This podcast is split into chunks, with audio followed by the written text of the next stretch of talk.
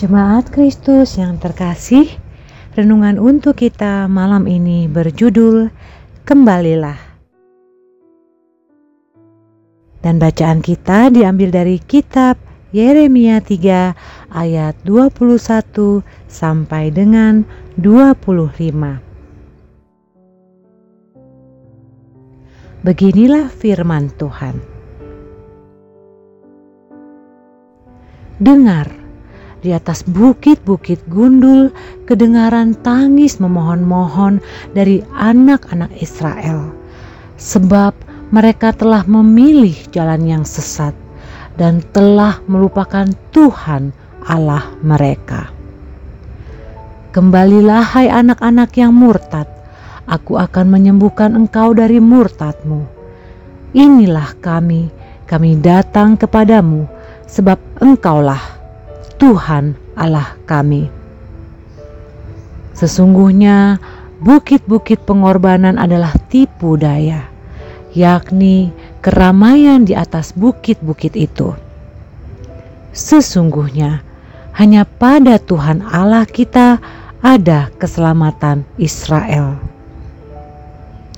Tetapi berhala yang memalukan itu menelan segala hasil jerih lelah nenek moyang kita dari masa muda kita.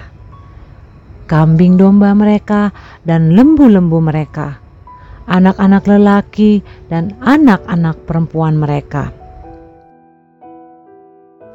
Maka biarlah kita berbaring dengan perasaan malu dan biarlah noda kita menyelimuti kita sebab kita telah berdosa kepada Tuhan Allah kita, yakni kita dan nenek moyang kita dari masa muda kita sampai hari ini, dan kita tidak mendengarkan suara Tuhan Allah kita.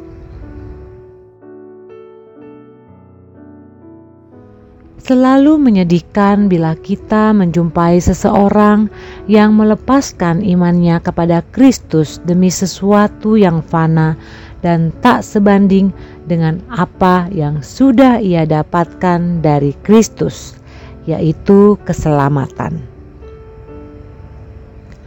Kadang kita bingung dengan seseorang yang dengan mudah meninggalkan Kristus dan melepaskan keselamatan apa yang ada dalam pikiran orang seperti itu?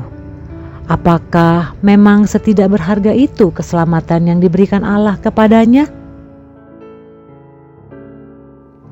Nabi Yeremia mengingatkan bahwa bukit-bukit pengorbanan yang menjanjikan kenikmatan hidup adalah sebuah tipu muslihat dan sesuatu yang fana atau dalam konteks sekarang adalah tempat-tempat yang kita rasa mampu menolong kita dari persoalan dan beban kehidupan.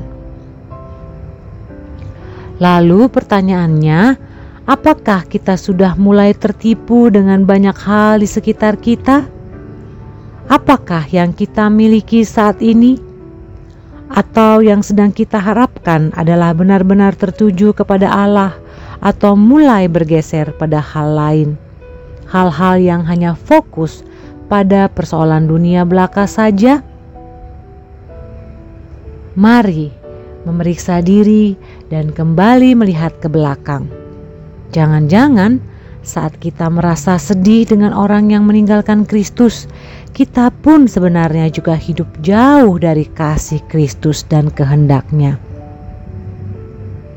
Situasi ini sangat mungkin menghampiri semua orang tanpa terkecuali.